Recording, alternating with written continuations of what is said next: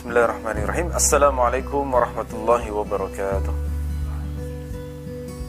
الحمد لله رب العالمين والصلاة والسلام على سيد المرسلين وإمام المتقين وعلى آله وصحبه ومن تبعهم بإحسان إلى يوم الدين اللهم اغفر لنا ما قدمنا وما أخرنا وما أسررنا وما أعلنا وما أسرفنا وما أنت أعلم به إلا أنت المقدم وأنت المؤخر وأنت على كل شيء قدير anta ala kulli syai'in qadir اللهم إنا نسألك علما نافعا ورزقا طيبا وعملا متقبلا ربنا زدنا علما وارزقنا فهما واجعلنا من الصالحين أما بعد Baik, topik kita pagi hari ini adalah Dhomanud Duyun Menjamin utang Maksudnya menjamin itu bagaimana di sini?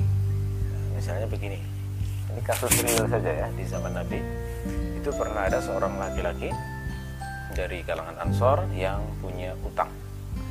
Kemudian meninggal dunia beliau. Lalu kemudian dibawa kepada Rasulullah. Dimintakan agar disolati oleh Rasulullah. Kemudian Rasulullah bertanya, apakah orang ini punya tinggalan warisan? Maka dijawab oleh kaum muslimin, tidak wahai Rasulullah. Rasul bertanya lagi, apakah dia punya utang? Mereka menjawab ya punya utang. Utangnya ada tiga dinar. Ya, tiga dinar itu ukuran sekarang kira-kira tujuh setengah juta ya. Ini utang sekitar tujuh setengah juta. Maka Rasul kemudian mengatakan selalu ala sahibikum. Kalau begitu sholati saja temanmu itu. Jadi, Rasul tidak mau menyolati. Maka kemudian bangkitlah seorang sahabat yang bernama Abu Qatadah kemudian bilang wahai Rasulullah sholatilah dan aku yang menanggung utangnya. Ya, akhirnya Rasulullah bersedia menyolati jenazah tersebut. Nah, dalam peristiwa ini itu terjadi namanya akad eh, terjadi yang namanya doman domanuduyun menjamin sebuah utang ya. E, para fukuha menjelaskan bahwa dalam akad toman itu ada tiga pihak. Selalu ada tiga pihak. Sama seperti hawalah kemarin ya ada tiga pihak. Siapa saja mereka? Yang pertama adalah domin. Domin itu orang yang menjamin. Si baik hati ya. Orang yang yang berbaik hati menjamin menanggung utang orang lain. Itu domin namanya pada cerita yang saya sampaikan tadi berarti yang dimaksud dengan domin adalah Abu Qatadah. Ini yang pertama unsur yang pertama. Berarti orang ketiga yang sebenarnya nggak terlibat akad utang piutang tapi dia e, mau menjaminkan. Ya, menjamin ini nanti motivasinya bisa semata-mata e, semata-mata adalah kebaikan. Amal soleh seperti Abu Qatadah ini ya, ini kan semata-mata menjaminkan. Nanti bisa motivasinya bisnis bisa saya kasih contoh nanti mau menjaminkan motivasi bisnis itu juga bisa. Nanti saya saya beri contoh yang boleh itu bagaimana. Yang jelas itu domin itu pihak ketiga dari orang yang berakad yang kedua adalah madmun anhu. Madmun anhu itu yang dijamin. Yang dijaminkan. Ya berarti orang yang punya utang. Ini maksud adalah orang yang punya utang. Orang yang punya tanggungan jadi pada kasus contoh yang saya ceritakan tadi madmun anhu itu adalah mayatnya itu. Yang punya utang tiga dinar tadi itu dinamakan madmun anhu karena dia dijaminkan oleh Abu Qatadah. Dijamin untuk dilunasi utangnya oleh Abu Qatadah. Unsur yang ketiga adalah madmun lahu. Ya, madmun lahu itu orang yang punya piutang. Artinya yang menerima jaminan yang dihutangi oleh orang. Jadi pada kasus tadi itu adalah pihak yang dihutang pada kasus yang saya ceritakan di kalangan sahabat tadi madmun lahu itu berarti orang yang diutangi oleh mayit itu. Nah, di kisah itu memang nggak diceritakan dalam hadis. Yang jelas eh, dia posisinya adalah madmun lahu. Jadi ada tiga ini ya. Ada domin yang menjamin. Ada madmun anhu yang dijaminkan. Ada madmun lahu yang menerima uang jaminan itu. Jadi orang yang uh, punya piutang yang mendapatkan pelunasan dari orang yang menjamin. Ya itu Abu Syuja' mengatakan wa yasihhu dhamanud duyun al-mustaqirrah fi dhimmah sah jaminan terhadap utang-utang yang sudah fix dalam tanggungan. Nah, ini akan selalu berulang istilah istaqarra fi dhimmah itu ya jadi yang yang yang uh, sah itu hanyalah pada utang-utang yang sudah sudah sudah fix. Seperti saya contohkan kemarin pada kasus pembelian HP dan lain sebagainya itu itu baru kalau sudah fix sebagai utang baru kemudian berlaku berbagai sejumlah hukum termasuk di antaranya hukum jaminan ini. Maka utang yang masih rencana tidak bisa dijaminkan itu. Dan tidak sah menjamin utang yang masih rencana aku nanti kalau nikah utangi ya 50 juta saja. Temannya bilang oke okay, pelunasannya aku yang jamin? Tidak sah. Kenapa? Karena belum mustaqirrah fil masih rencana. Belum fix. Nah, maka di sini ada kata-kata ad-duyun al-mustaqirrah fi ini ini menjadi koidnya ya jadi takhidnya sahnya doman itu seperti apa. Dalil kebolehan doman adalah kisah Abu Qatadah yang saya ceritakan tadi yang saya bacakan lafadznya dalam Sahih Bukhari dari Salamah bin Al-Aqwa radhiyallahu anhu beliau mengatakan kunna julusan 'inda Nabi sallallahu alaihi wasallam. Suatu saat kami sedang duduk-duduk di sisi Nabi sallallahu alaihi wasallam iz utiya bi janazatin. Tiba-tiba didatangkan sebuah jenazah. Faqalu salli 'alaiha qala hal 'alaihi dain? Qalu la. Qala fahal taraka syai'an? Qalu la. Fasalla 'alaihi. Para sahabat bertanya, "Salatilah dia wahai Rasulullah." Maka Nabi bertanya, "Apakah dia punya tanggungan utang?" Mereka menjawab, "Tidak." Nabi bertanya, "Apakah dia meninggalkan harta?" Mereka menjawab, "Tidak." Ini mayit yang mantap ya. Utang nggak punya, uang, uang juga nggak punya. Jadi pergi menghadap Allah itu benar-benar e, bebas dari apa pun sudah ya. Utang nggak punya, harta juga nggak punya. Nggak ada yang dibagi warisannya tapi nggak punya utang juga. Ini kayaknya jenazah miskin memang ya sehingga sampai nggak ada yang ditinggalkan. Kalau di negeri kita yang kayak gini itu kecil kemungkinannya ya. karena orang semiskin apa pun ya kadang masih punya HP ya. Sama sekarang itu orang miskin tapi punya HP itu banyak ya. Ya tapi zaman Nabi itu ada yang sampai levelnya enggak enggak, enggak punya apa-apa. Maka Nabi pun mensolatinya, maksudnya bersedia mensolati jenazah tersebut karena nggak punya tanggungan utang. Summa utiya bi janazatin ukhra faqalu ya Rasulullah salli 'alaiha. Qala hal 'alaihi dain? Qila na'am. Qala fahal taraka syai'an? Qalu thalathata dananir. Fa shalla 'alaiha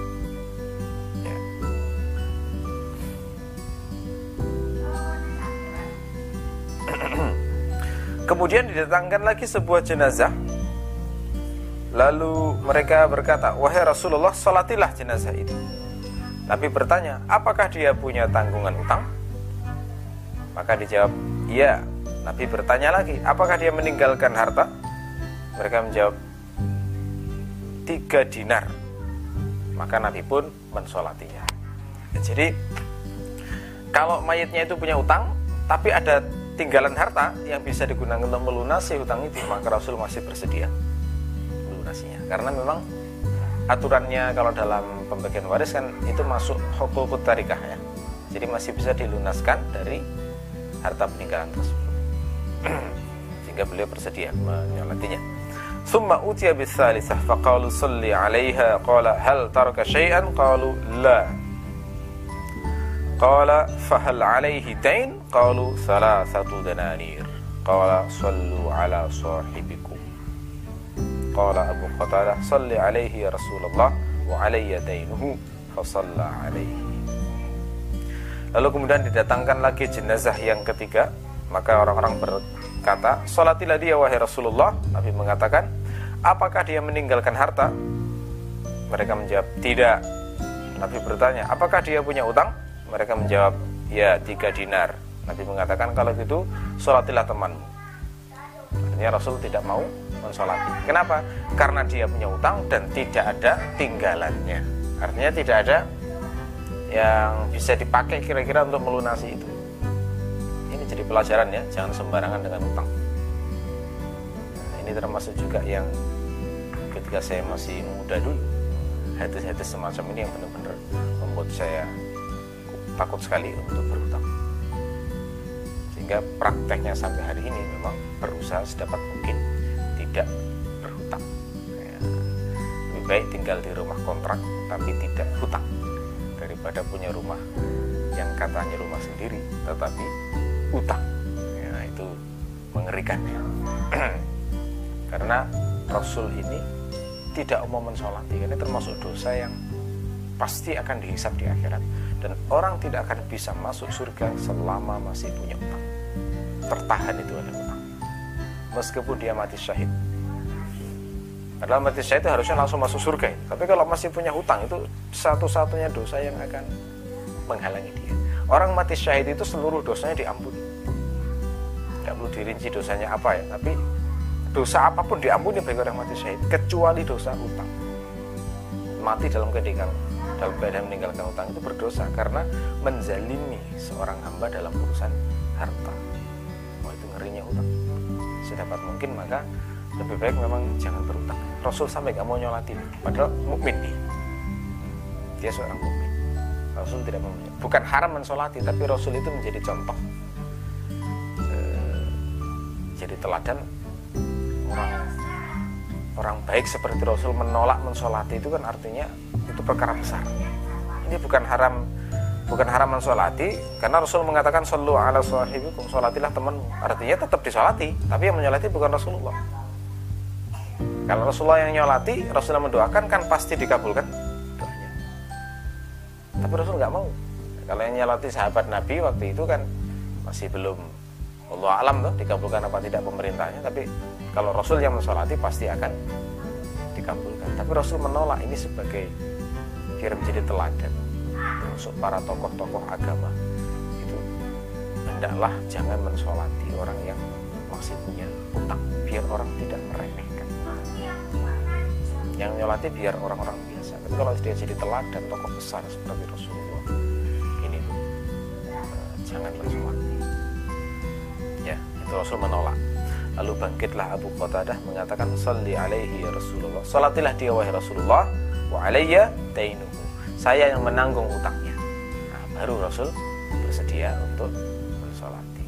Jadi mayit itu eh, Rasulullah itu mau mensolati meskipun dia punya tanggungan utang dalam dua kondisi. Pertama ada harta warisan yang bisa dipakai untuk melunasi utangnya. Yang kedua ada orang yang menjamin itu baru Rasulullah mau mensolati. Karena kalau demikian kan berarti ada unsur ghalabatul kezaliman itu akan dihilangkan.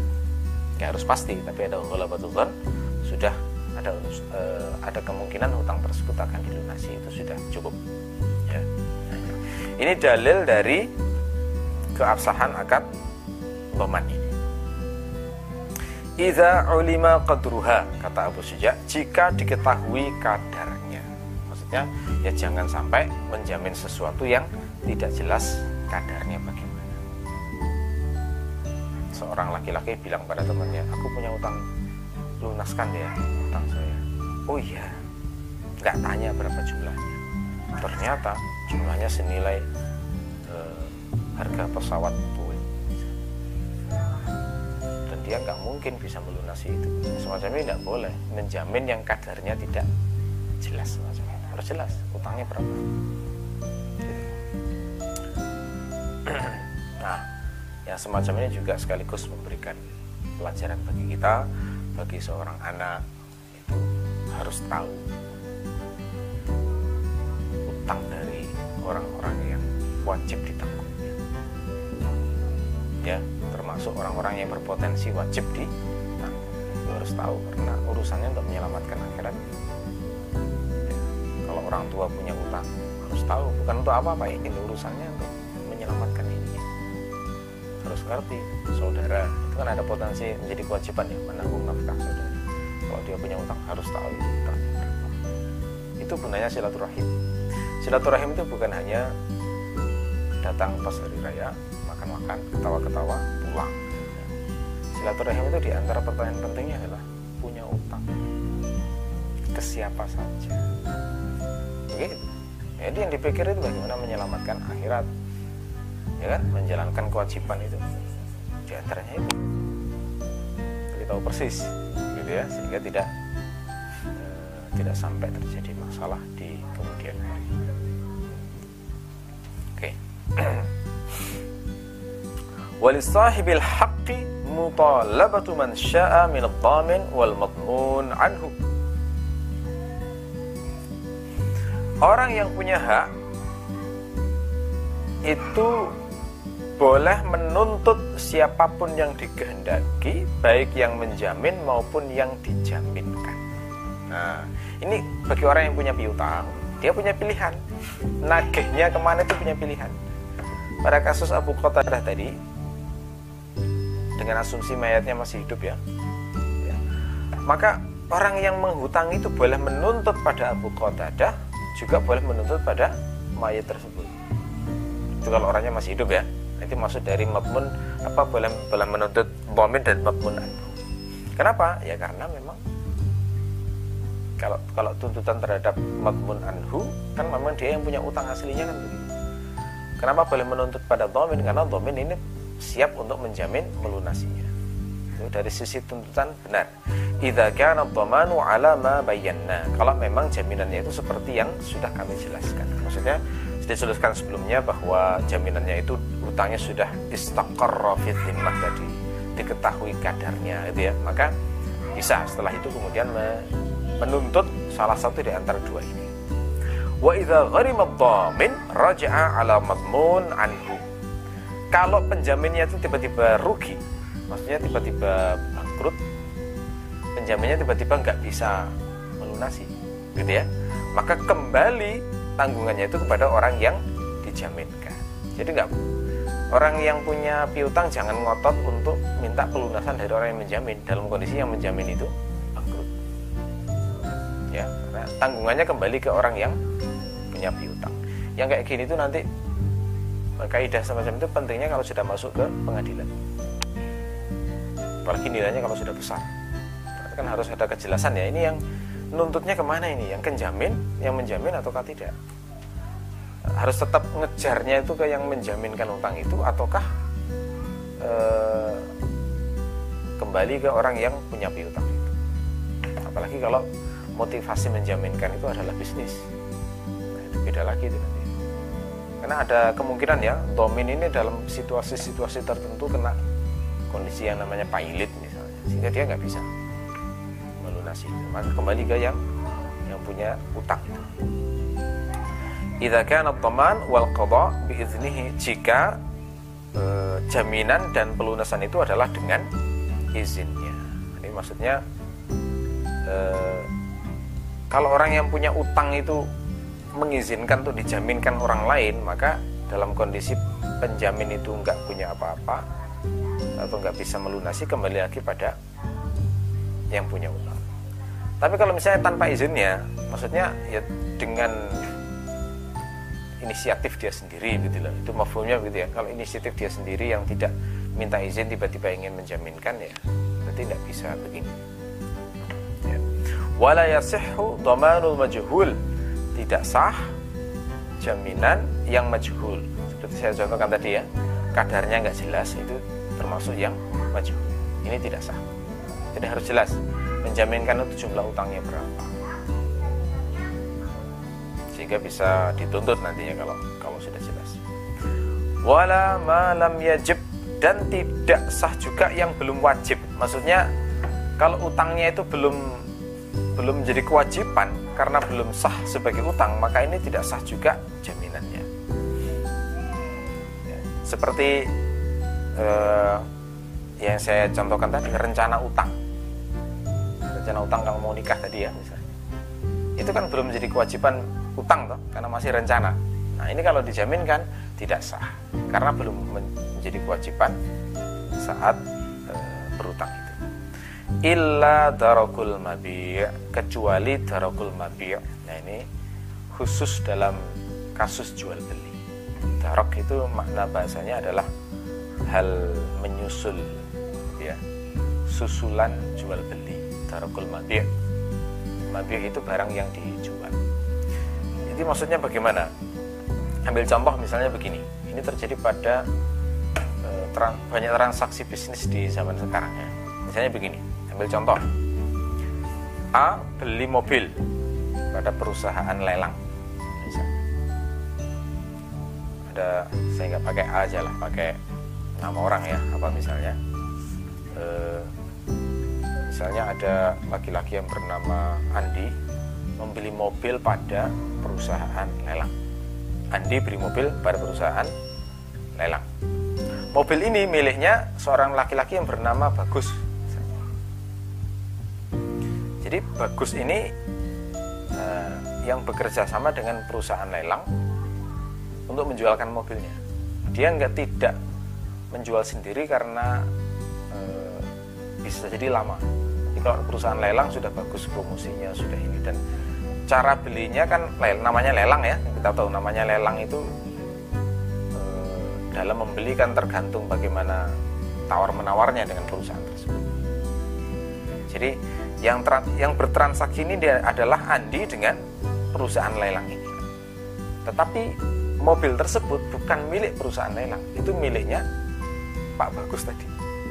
Yang bekerja sama dengan perusahaan lelang dengan akad tertentu untuk saling berbagi keuntungan misalnya nanti kalau terjual berapa. Akhirnya Andi pun membeli mobil tersebut dengan harga 100 juta.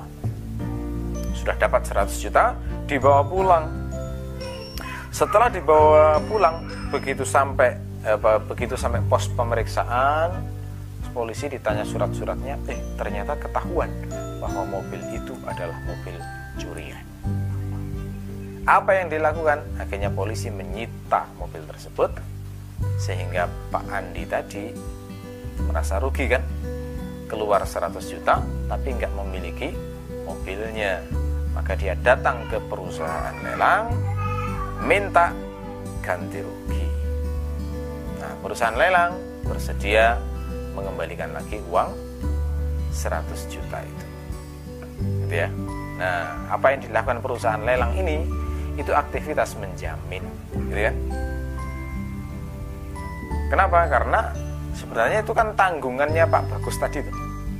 Harusnya yang menyelesaikan itu kan tanggungannya si Bagus tadi. Cuma karena memang sudah ada kerjasama dan dan perusahaan lelang nggak belum tahu kalau itu ternyata bermasalah mobilnya maka dia menyelesaikan dulu masalah ini dengan cara memberikan jaminan dulu dengan membayarkan 100 juta dan dikembalikan. Terus nanti urusannya minta ganti ruginya ke si bagus tadi. Nah yang semacam ini itu dinamakan eh, jaminan darogul nabi yang ini boleh kenapa? Meskipun hukum asalnya kan belum belum wajib ya belum belum wajib utangnya. Karena kan nggak tahu mobilnya itu bermasalah apa tidak kan nggak tahu. Tetapi yang semacam ini khusus dalam konteks bisnis kayak begini itu dinamakan para fuba dengan istilah darokul mabi' dan itu boleh. Nah ya kayak gini tuh banyak di zaman kita hari ini. Model-model transaksi kayak gini yang bisnisnya perusahaan berani menjaminkan eh, bukan karena kebaikan tapi karena bisnis. Nah, urusannya nanti dengan si B tadi. Bagaimana perjanjiannya kalau ternyata mobil bermasalah dan sebagainya itu dikembalikan ke, ke